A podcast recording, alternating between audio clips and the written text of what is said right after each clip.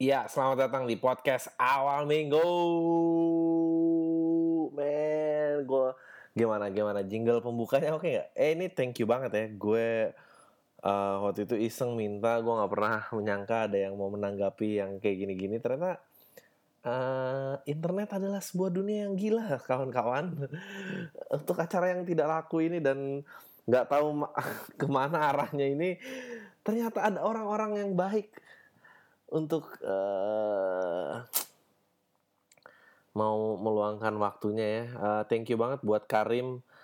Uh, gue nggak sebut nama lengkapnya karena ya nggak enak lah. Uh, thank you, thank you banget, thank you banget. Nih uh, gue pakai demi penghargaan. Apa lagi? Uh, podcast awal minggu untuk Senin.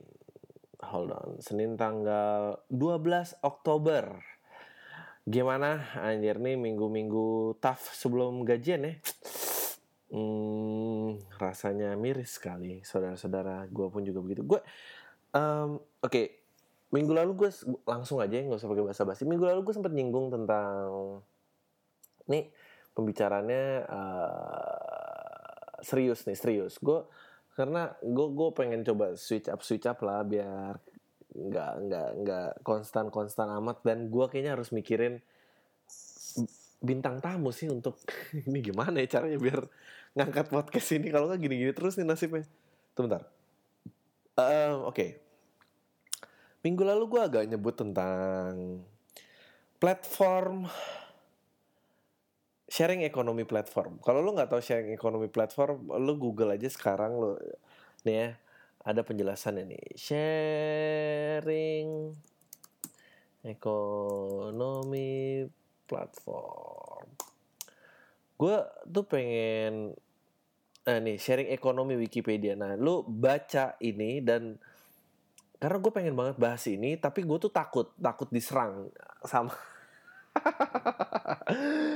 podcast ini emang isinya paling makin tai makin tai aja buru. Pokoknya ya buat lo nih semua yang nanya-nanyain SFM gue lah atau Twitter gue lah yang suruh bahas agama gini-gini gue nggak usah sampai layer agama deh. Yang menyinggung bentuk usaha orang aja gue tuh takut karena gue tahu lo tuh ngedukungnya gini-gini doang ribut-ribut di sosial media doang.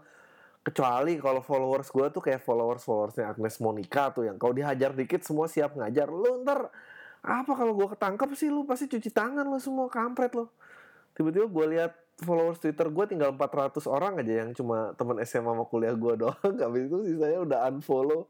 Enggak sih nggak pernah ngikutin Adriano Kalbi itu siapa coba? Eh, nggak pernah muncul di TV kan pak? Iya gimana coba orang mau tahu dia? Tahu tapi tahu gitu gue nggak pernah muncul di TV Iya, gue gue gue gue pengen ngomongin tentang ini jadi gue juga sampai uh, consult ke ahli-ahli hukum lah teman-teman gue yang yang gue pengen bahas ini. Karena ini point of view-nya menurut gue menarik banget. Dan gak ada yang ngomongin gitu. Dan dan dan semua orang tuh kayak wah terbuai gitu dengan kemajuan zaman dan gadget-gadget ini dan segala macam tanpa pernah memikirkan uh, sisi lainnya gitu. Sebetulnya ini tuh apa gitu bentuknya. Jadi uh, lu baca nih sharing ekonomi uh, di Wikipedia terus kira-kira tebak aja gitu aplikasi apa? Atau anjing gue makin mengkerucut gini ini biar dengerin ini ada manfaatnya gitu biar agak-agak bahaya-bahaya dikit. Aplikasi apa yang gue sindir? Dan ini lagi marak banget gitu. Gue gue punya dan gue nggak tahu gue gue seminggu ini mikirin gue sebetulnya udah mikir, mau ngomong ini dari dua minggu yang lalu kan. Uh, tapi gue tuh kayak anjir nih ntar lucunya di mana ya? Semoga ntar ketemu lah lucunya. Kalau enggak ya ya lo waste moment aja deh. Waste moment atau kan waste moment tuh yang itu loh. Kalau TV-TV itu yang acara alay alay dikit terus kalau ada yang ngomong hal intelek dikit gitu ada setitik nilai intelektual terus semua penontonnya waste gitu Jadi kalau sekarang nggak ada lucunya, setiap gue menemukan poin yang sangat bagus ya lo rame-rame, wes gitu aja. Jadi kita ya sama-sama ngalai lah aja lah. Men, oke. Okay.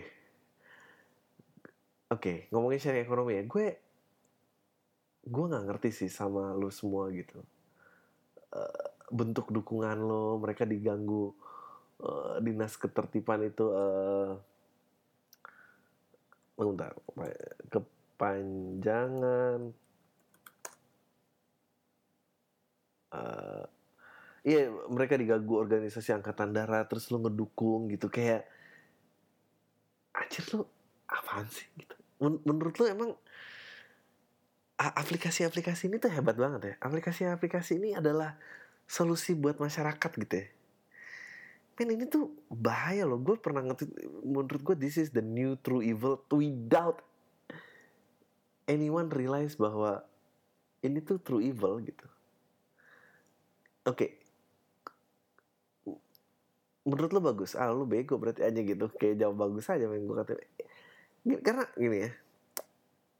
Sekarang gini orang-orang yang akhirnya menjadi pekerja lepas dan gabung dengan aplikasi-aplikasi tersebut ya.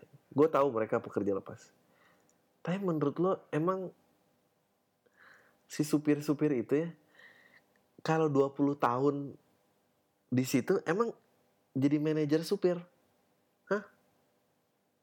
Menurut lo 20 tahun dia masih jadi supir kendaraannya apa dia jadi manajer supir? Udah men dia akan terus di situ mau ini yang orang-orang tuh nggak pikirin gitu. Kayak ini kan banyak banget ya dan dan dan dan oh katanya oh ya tapi kan ini kalau lu punya kesulitan finansial dan lu pengen mencari duit lagi ya ya silahkan. Tapi ini tuh ini tuh bukan solusi pengangguran atau solusi kemacetan nggak akan ini nggak akan jadi solusi kemacetan. Karena yang terjadi adalah traffic itu adanya di Jakarta. Orang-orang tuh dari luar kota akan bawa kendaraannya loh dan dan dan bergabung dengan ini loh gitu. Dan aduh sekarang tuh banyak banget dan demand itu kan cuma seperberapa ya? Emang kalau gini loh gue tahu pekerja lepas gue tahu nggak ada jaminan karir iya oke okay. tapi gini kalau gue ya taruhlah logikanya gini lo punya perusahaan uh, yang yang menghubungkan supply dan demand gitu jadi lo uh, ada orang-orang misalnya apa ya misalnya dia uh, mencari translator oke okay? itu juga ada tuh habis itu ada ada ada beberapa karyawan lepas yang lo ambil kalau jumlah pekerjaannya cuma 10, pekerja lepas lu nggak 200 ribu dong. Ya nggak?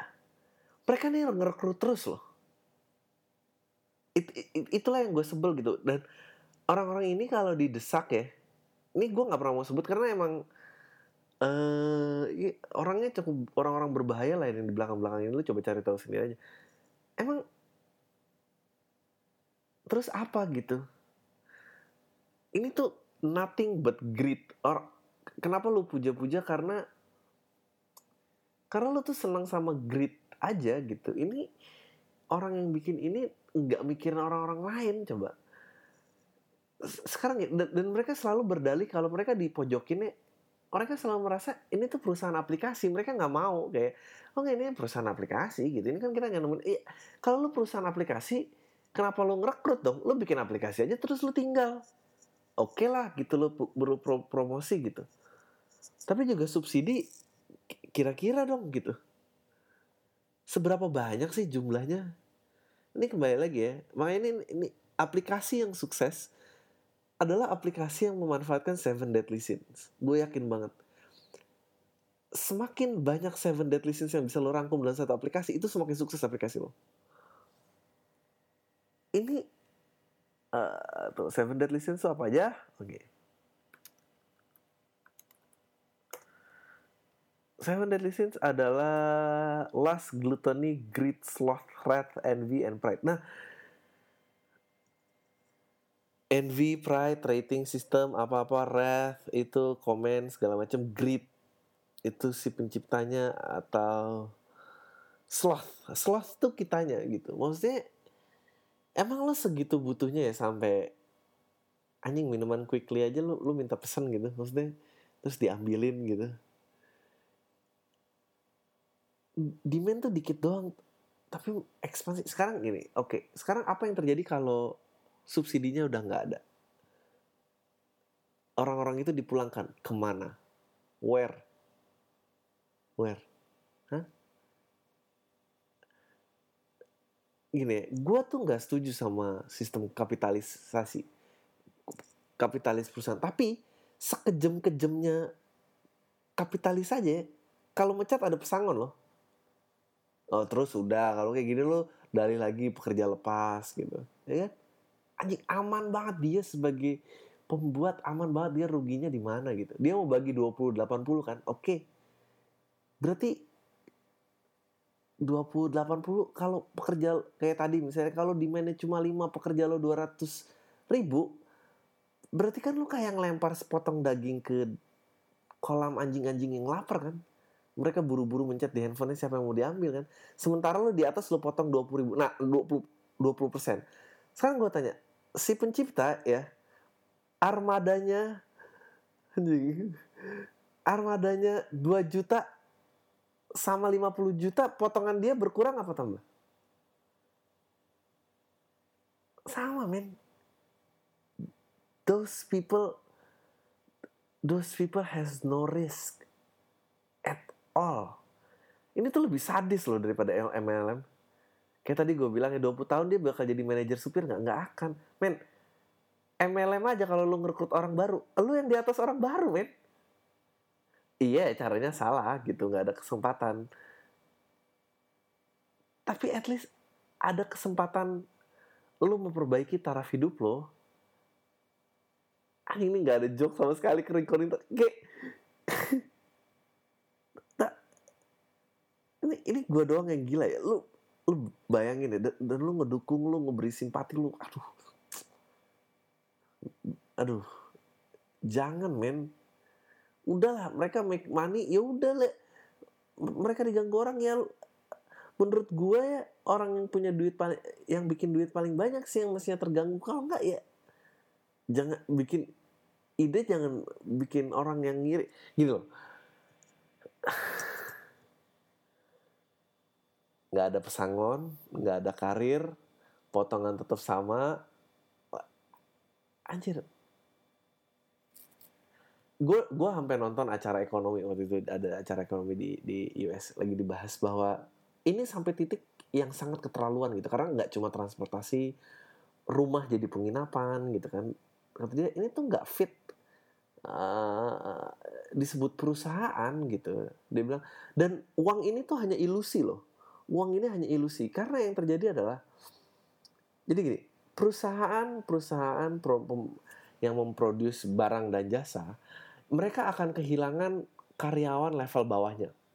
Oke? Karena semua tertarik oh ya karenanya sih ini bisa ngantongin 15 juta sebulan lari tuh lepas.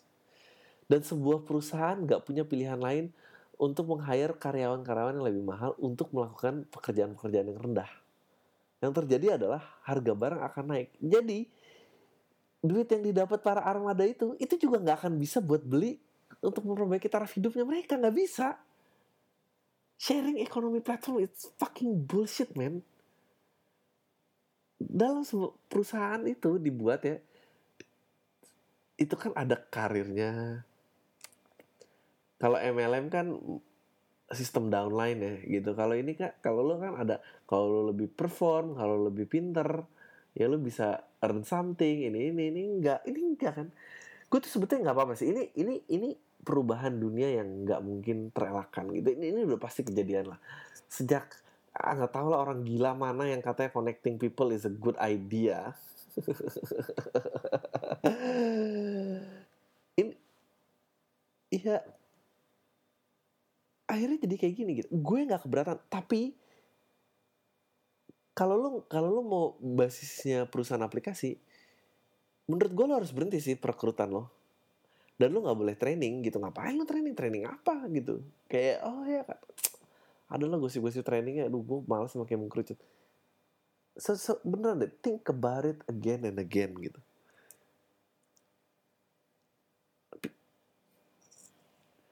some people ya bener-bener nih. Don't you understand bahwa yang menang tuh cuma satu orang gitu? Greed itu selalu ada. Tapi gini loh ya ya jangan dimonopoli dong jangan ini gini. Nah di acara ekonomi itu dibahas ya gitu. Dia cerita ini sangat ironis karena kan ada yang perusahaan ambil dari mereka juga tuh dari Amerika dan di dibawa ke sini gitu anak perusahaannya gitu. Dan dia bilang dia sampai si ahli ekonomi itu marah banget. Gue yakin nih ada orangnya dewan mana gitu itu pasti terima duit untuk ini dilolosin sebagai perusahaan. Karena dia bilang it's ironic how Amerika dulu memerangi komunisme di mana-mana gitu kak. Dulu kan dalihnya nih, anggaplah mereka bener. Gue nggak mau berdebat Amerika salah. Kita ikutin dulu gitu. Amerika itu nggak mau ada komunisme karena mereka percaya dengan sistem uh, kapitalis gitu. Dengan yang kayak tadi ya bahwa yang pinter bisa dong lalu ini kalau dia berjasa dia berhak dong dikasih lebih dan boleh dong dikelola swasta kalau emang dia menemukan bla bla bla bla bla bla. Nah, komunisme dan sosialisme itu ditentang karena ada satu pejabat yang tinggi dan sisanya semua sama rata. Dan apa pun yang terjadi, akhirnya ada tendensi betul betul komunisme yang bertahan dan diperangi pun akhirnya meng, meng uh, apa menghasilkan mental yang korup karena tidak ada yang bisa men-challenge kekuasaan kan tidak ada pemilu tidak apa udah dia berkuasa terus. Satu orang berkuasa sisanya semua sama rata. Oke. Apa bedanya itu dengan bentuk usaha yang sekarang si pencipta akan selalu di atas ya udah sisanya semua di bawah dalam sebuah kapital kan nggak seperti itu dong. Lo bisa suatu saat menjadi bos, lo bisa jadi bos siapa, lo bisa ini, si ini pensiun, apa. Ada roda itu gitu. Ini tuh nggak ada. Dan parahnya lagi, lo pikir mereka peduli gitu. Tiga tahun, lima tahun deh habis mereka uh, nginvest duitnya udah keputar banyak, mereka cabut men, mereka kan bikin sesuatu yang baru dan ini akan di left tanpa tuan. Anjing gue tuh nafsu banget loh. Gue kayak lo jalan ke Mega Kuningan dan lu lihat berapa yang nepi di jalan. Lihat gitu. They have to stop recruiting man stop maksud gue gini stop luring them to, aduh gue gue concern banget loh gue kesel sih kalau dia kan dia motong 20% dari setiap orderan gitu. Sementara orderan itu diperbutkan sama. Aduh.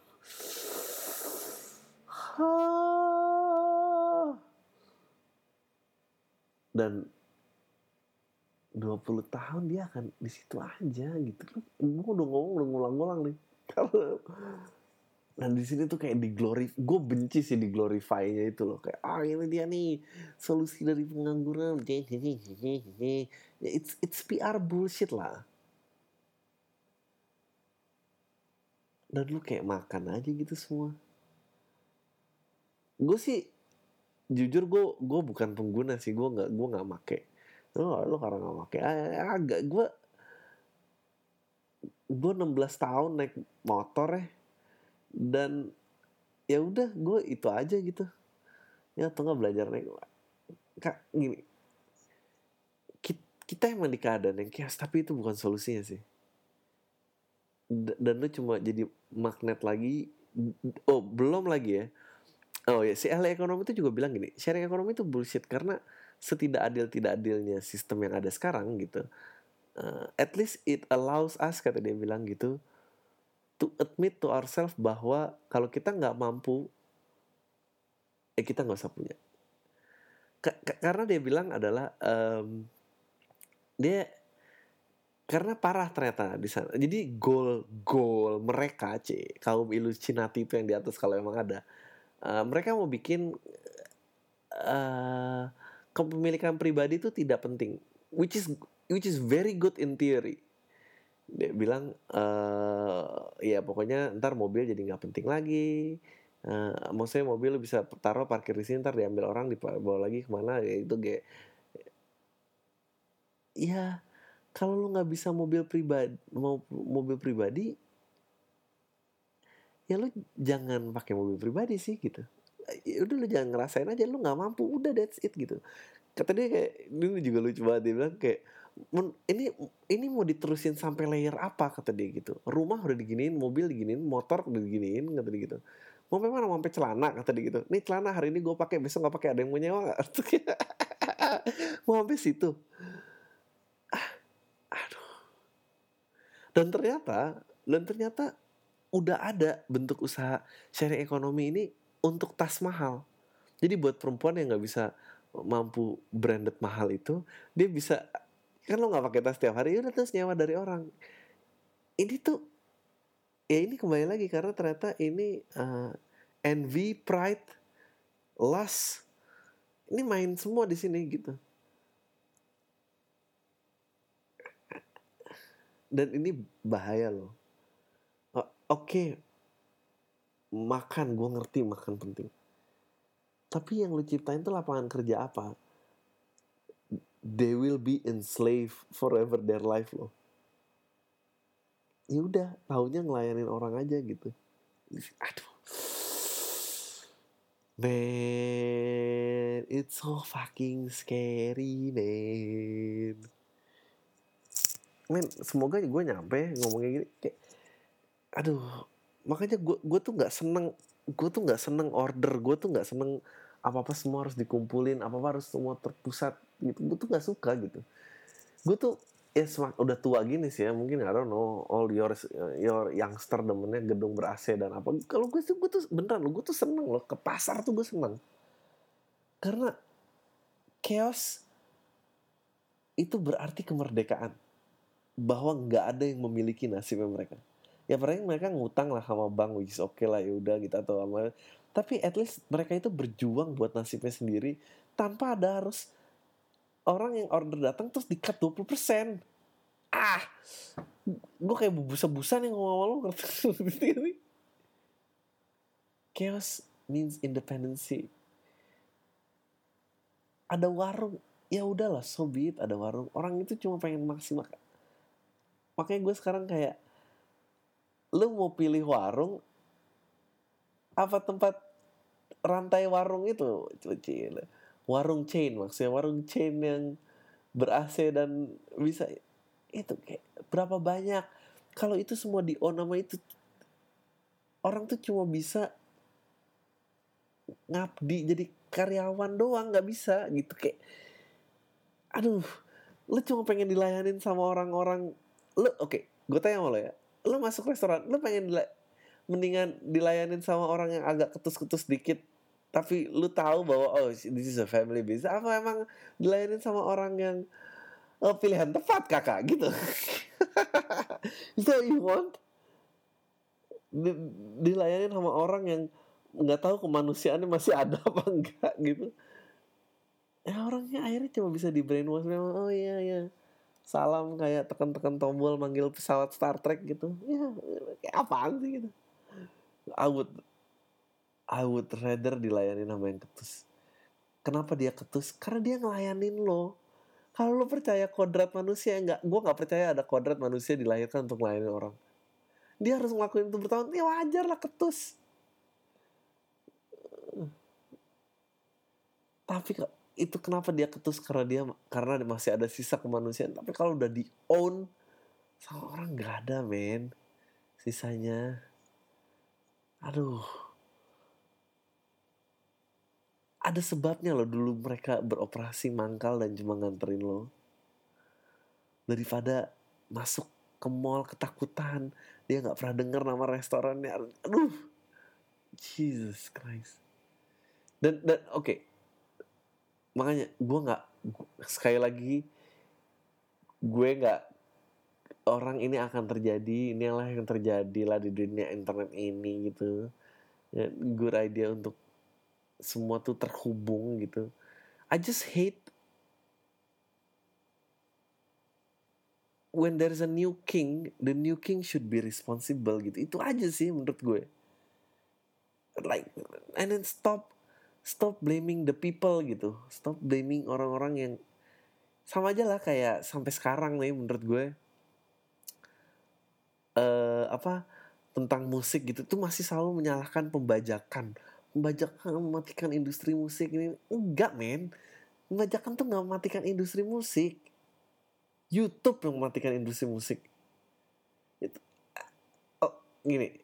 YouTube change the way it's been played zaman eh, gue udah pernah ngomongin ini nih kalau zaman dulu kita pakai pembajakan selalu ada tapi bentuknya tuh fisik. Jadi the new the king yang punya peraturan pada itu dia bikin format seperti ini. Oke semua player main. Red bersaing deh nih. Pembajakan selalu ada orang yang selalu mengambil tuh selalu ada tapi entah kebetulan atau dia emang beneran mikirin nasib pemainnya bentuk itu sangat sulit dibajak sama kayak game gitu zaman dulu juga Nintendo tuh ada pembajakannya tapi it cost a lot of shit of money untuk bikin yang bentuknya fisik. And then there's a new player in town yang katanya punya gagasan berlian overthrown the old king. Dia play no we play with my rules now. Tenang aja semua pemain akan ini ini ini karena apa? Karena bayar lo akan lebih banyak karena we connect more people karena benda yang fisik itu hanya slow us down, hanya slow memut, hanya mem memperlambat perputaran roda ekonomi. Kita main what it's called digital. Men, The Old King juga dulu pernah denger yang namanya digital, tapi they don't wanna follow through. Karena apa? They know itu gampang dibajak. They know. They know. Masa lu gak percaya sih sama gue? Di podcast yang tidak ada bukti, buktinya ini tapi nggak salah-salah amat. Know. Kalau lu mau cari gini ya, gue kasih tahu dalam hampir semua situasi ya, kalau lu mau cari siapa yang salah, cari siapa yang make most of the money. Itu it, most likely dia yang salah pasti. Tunjuk pembajak mana yang lebih kaya daripada yang buat YouTube. Where? Gak ada. Jesus Christ. Betul pembajakan salah. But the new king also don't care about what you do. That's what happened. Ya, tapi The New King juga melahirkan artis kayak gue sih Adriano Kalbi yang punya pendengar terbatas dan 300 orang ini. Tapi ya, tapi I'm just saying that's I think that's another perspective that you should see. Sama kayak gini, itu, oh, for the love of God connecting people ini apa sih sebetulnya? God, nggak ada yang melahirkan lebih annoyance gitu daripada ini. So that's that's that's sharing economy people. I mean, kalau lu nggak mampu punya kendaraan sendiri, ya adalah namanya kendaraan umum atau armada. Nah, kenapa armada-armada seperti taksi tidak bentuknya freelance? Karena mereka menyediakan jalur karir. Nah, ini nggak ada, pesangon nggak ada, bentuk fisik nggak. Aduh, and people eh kita oh, oh, oh, what would be the next best idea ya kalau bisa nyari alat? Ah, God. lu mikir kayak gitu karena you just want the money. And if you want the money it's fine. Just just fucking say that you want the money. Ah udah cuma rusak mental. Udah setengah jam loh ini. Gila gak sih? Gila gak sih? Let's let's let's take a look at the questions. I don't really care sih yang sekarang um, bakal menghasilkan banyak. Aduh belum naik, udah ini. Apa yang dicari? Oke. Okay. From Yogi. Dia kayak ngomong, aduh, I'm, I'm, I'm sorry, I'm such a, gue I'm in such a kanti mood juga sih. Jadi gue agak gak enak. I'm sorry if it, this turns out to be a very bad podcast. Tapi semoga knowledgeable buat lo gitu ya. Meskipun nggak menghibur seperti biasanya sih gitu. Halo bang. Gila gue seneng banget. Eh gue seneng banget. Nggak ada. Dia dia biasa aja senengnya tapi gue banget karena gue butuh pujian dari orang lain. Halo bang. Gila gue seneng juga perjuangan menitik kembali karir serep lo. Tai. Mulai menemukan hasil. Gue nggak tahu sih hasil materi nya gimana tapi dari email yang mulai banyak kirim ke lo sih podcast ini mulai terkenal haha dan podcast lo makin solid belakangan ini tetap berjuang bang. Thank you thank you. Ini semua juga gara-gara lo yang pernah ada yang ada, lo yang bikin kaos uh, podcast awal minggu terus sekarang ada yang bikin jingle ada yang bikin logo man crowdfunding gitu Bang Adri menurut lo gimana tentang komika-komika yang ada di TV stand up tapi nggak lucu sampai ketawa pun harus diedit dulu. Sedih banget gak sih ngeliatnya? Soalnya wajah komik yang ngebob itu kelihatan banget betul kalau dari point of view lo gimana bang? Mending nggak tampil di TV karena sadar belum punya materi yang solid? Atau ya udah tampil aja lucu nggak lucu urusan bang yang penting masuk TV dapat duit. Ha udah itu aja salam dari gue itu ya dari gue thanks ya. Wow ya orang tuh beda-beda ya. Again gue nggak bisa ngatur semua orang. Eh, sekali lagi saya bukan bapak komik Indonesia. Tapi saya masih ada kesempatan untuk jadi bapak podcast Indonesia. Tepuk tangan dulu nggak deh.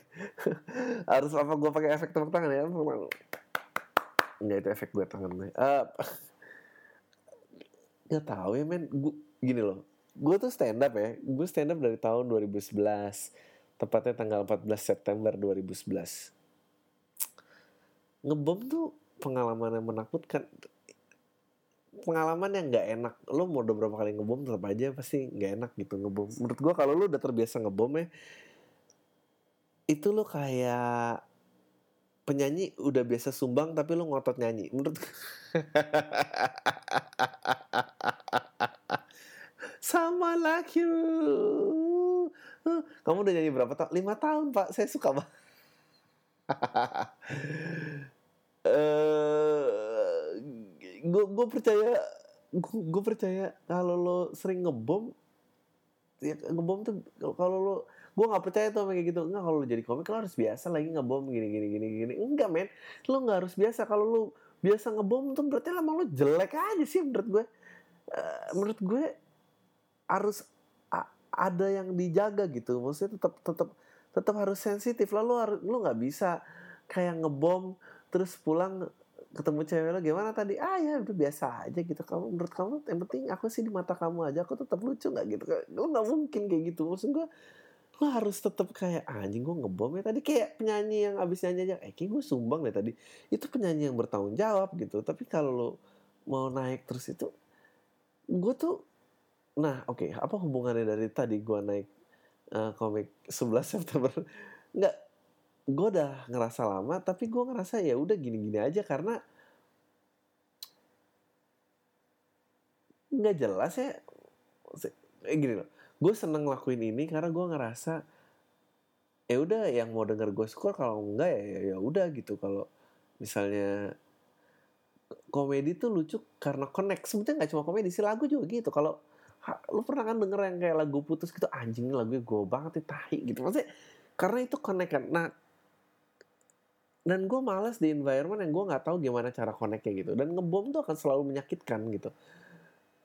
Jadi kalau emang menurut gue apa pun bidang lo ya kalau lo nggak bang kalau lo kalau lo ngerjain sesuatu dan lo nggak berani nunjukin ke cewek lo atau orang-orang terdekat lo atau sahabat lo nggak mau nonton lo lo menurut gue lo salah sih melakukan sesuatu tapi ya nggak tahu deh gimana ya Eh, Oke. Gue dari ini Dede. Halo bang, gue Dede Azwar. Gue udah dengerin semua podcast lo yang kayak tai. Hmm, gitu. Kayak tai tapi keren banget kan. By the way, gue ngangkat banget lo bahas pemerintah yang kayak preman pasar. Anjir pegawainya main Zuma di kantor. Iya emang main Zuma di kantor. Oh ya bahas dong. Bahas keresahan, keresahan bahas keresahan cowok-cowok dong. Menurut lo cowok yang bete nungguin cewek dandan pas mau ngedate atau mau kondangan tuh gimana bang? Gue sering banget nunggu cewek gue dandan bete banget dah. Cewek gue juga suka pasang mata nggak ada dosa lagi. Padahal udah bikin cowoknya nunggu sejam lebih. Tolong dibahas ya. Aduh maaf. Ya benar-benar ini ini bukti tanpa edit ya bersin aja direkam. Tolong dibahas ya. Regards. Wah anjing dia ninggalin nomor handphone loh. gue gak akan nelfon lo juga sih Dede. Siapa pun kamu. Iya cewek-cewek lu kenapa sih kayak gitu?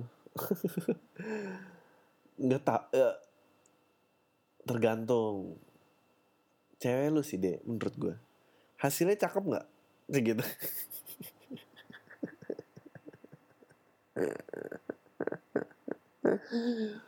Eh, apa?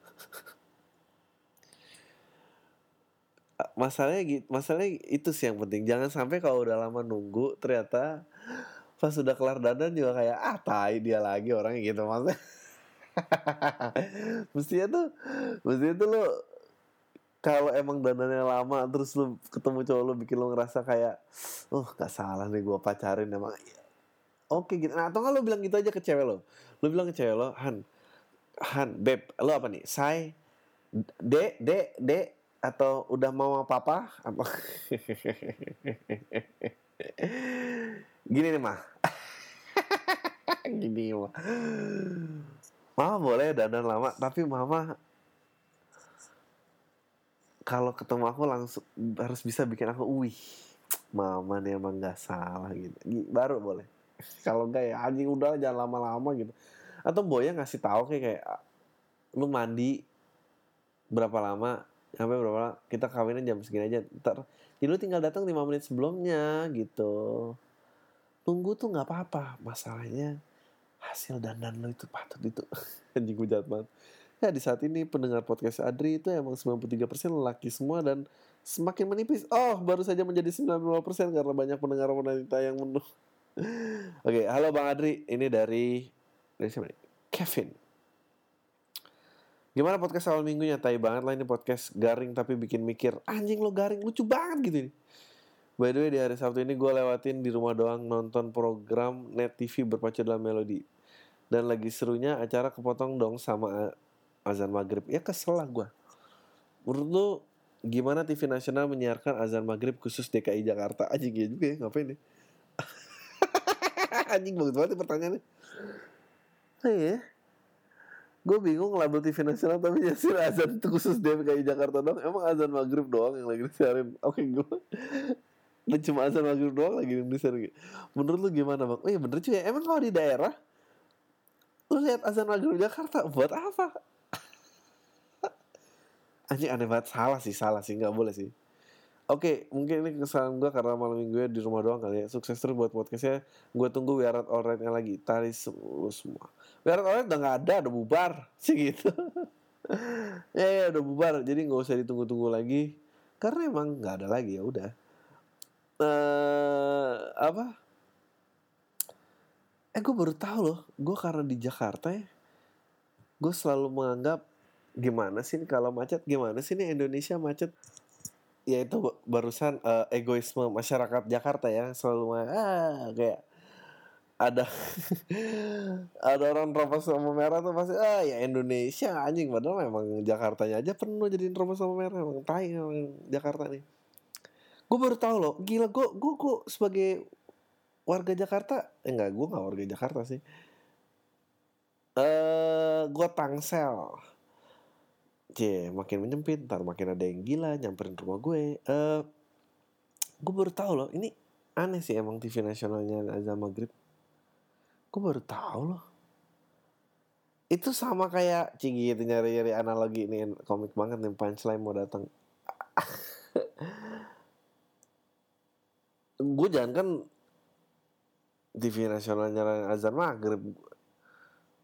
Siaran langsung sholat itu gue gak ngerti sih itu ditonton buat apa waktu gue kayak ya ya udah ya kan di sana sholat ya udahlah ya gitulah kira-kira semoga gue menjawab pertanyaan lo ya itu gue belum jawab apa apa sih ya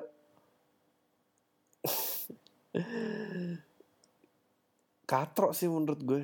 Jadi gitu. Ya, ya. kalau lu tanya eh, gue nggak bahas agama kalau lu tanya kenapa dan cuma azan maghrib doang yang disiarin eh, karena azan itu yang keras yang boleh yang setelah matahari terbenam kalau nggak salah wi. Kalau nggak salah ya makanya yang lainnya tuh azannya nggak pernah eh enggak deh enggak dong enggak dong azan tuh mesti dikumandangkan deh nggak nggak ya bener bener bener bener, azan kan waktu emang sholat mesti diumumin dong ya dong ya dong. Nah, jadi gitu. Anjing ini garing banget nih podcast yang sekarang. Udah tapi gue harus laluin setengah depannya penting. Uh, ya lu satu aja marah gimana lima limanya masih lebih marah lah gitu tau ah yang berikutnya oh ini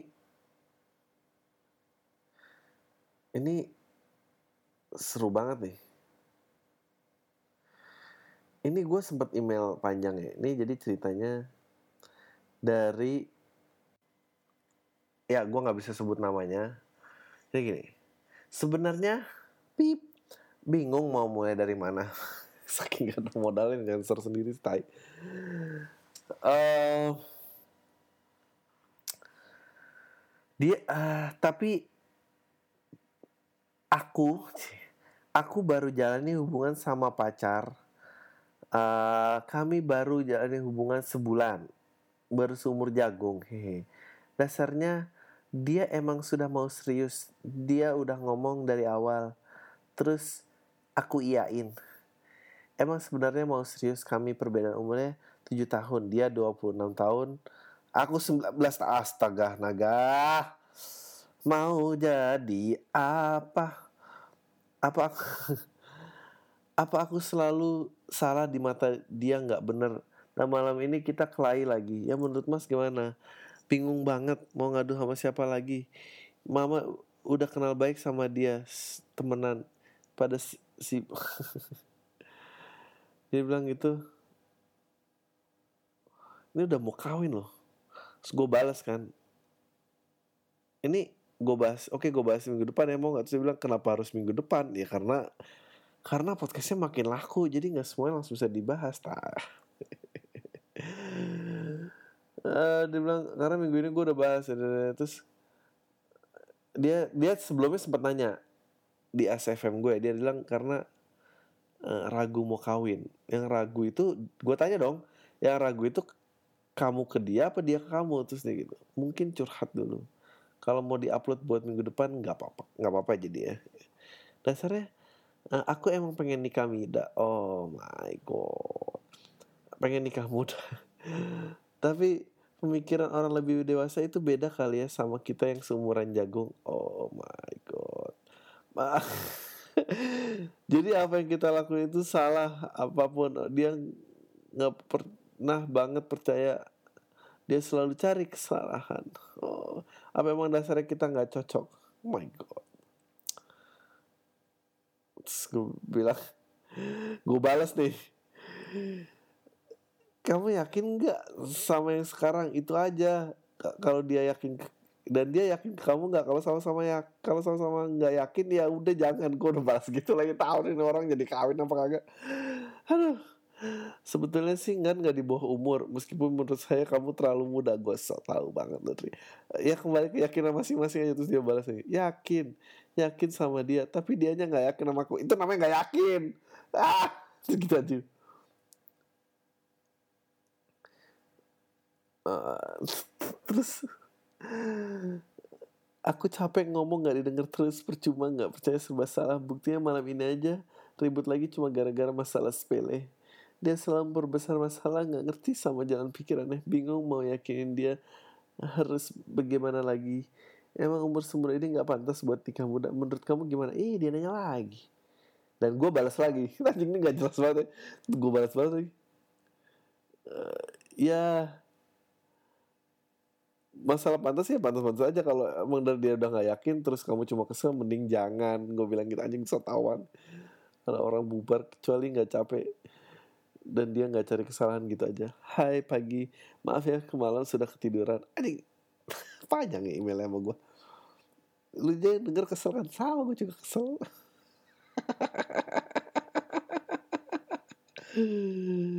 Jujur banget aku nggak bisa buat apa-apa kalau dia sedang marah sama aku. Aku cuma bisa diam dengerin dia marah. Benar-benar sayang, benar-benar cinta. Oh my god. Uh, aku orangnya aduh maaf banget ya. Gue gak tahu ya podcast ini akan kayaknya nggak akan ada lagi yang nyuratin di sini.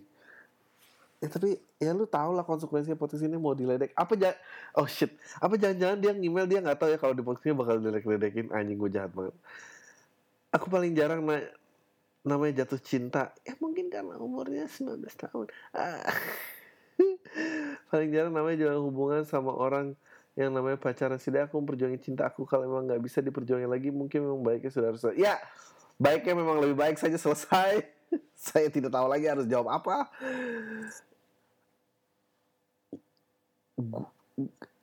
Gini loh. Aduh. Gue emang percaya sama gue percaya dengan batas kedewasaan. Di Indonesia kapan? Harus direvisi sih undang-undangnya. Kalau nggak salah tuh perempuan 16 tahun lelaki 19 tahun ya. Um, kalau terserah mau pakai KTP sama-sama 17 atau 21 gitu ya. 21 lah 2 24 ya. Jadi ya lo udah berKTP juga lo udah ini ya menurut gue sih eh, maaf ya kalau gue tadi bercanda bercandain lo. Karena gue bingung hari ini bingung nyari joke di mana. Anjing.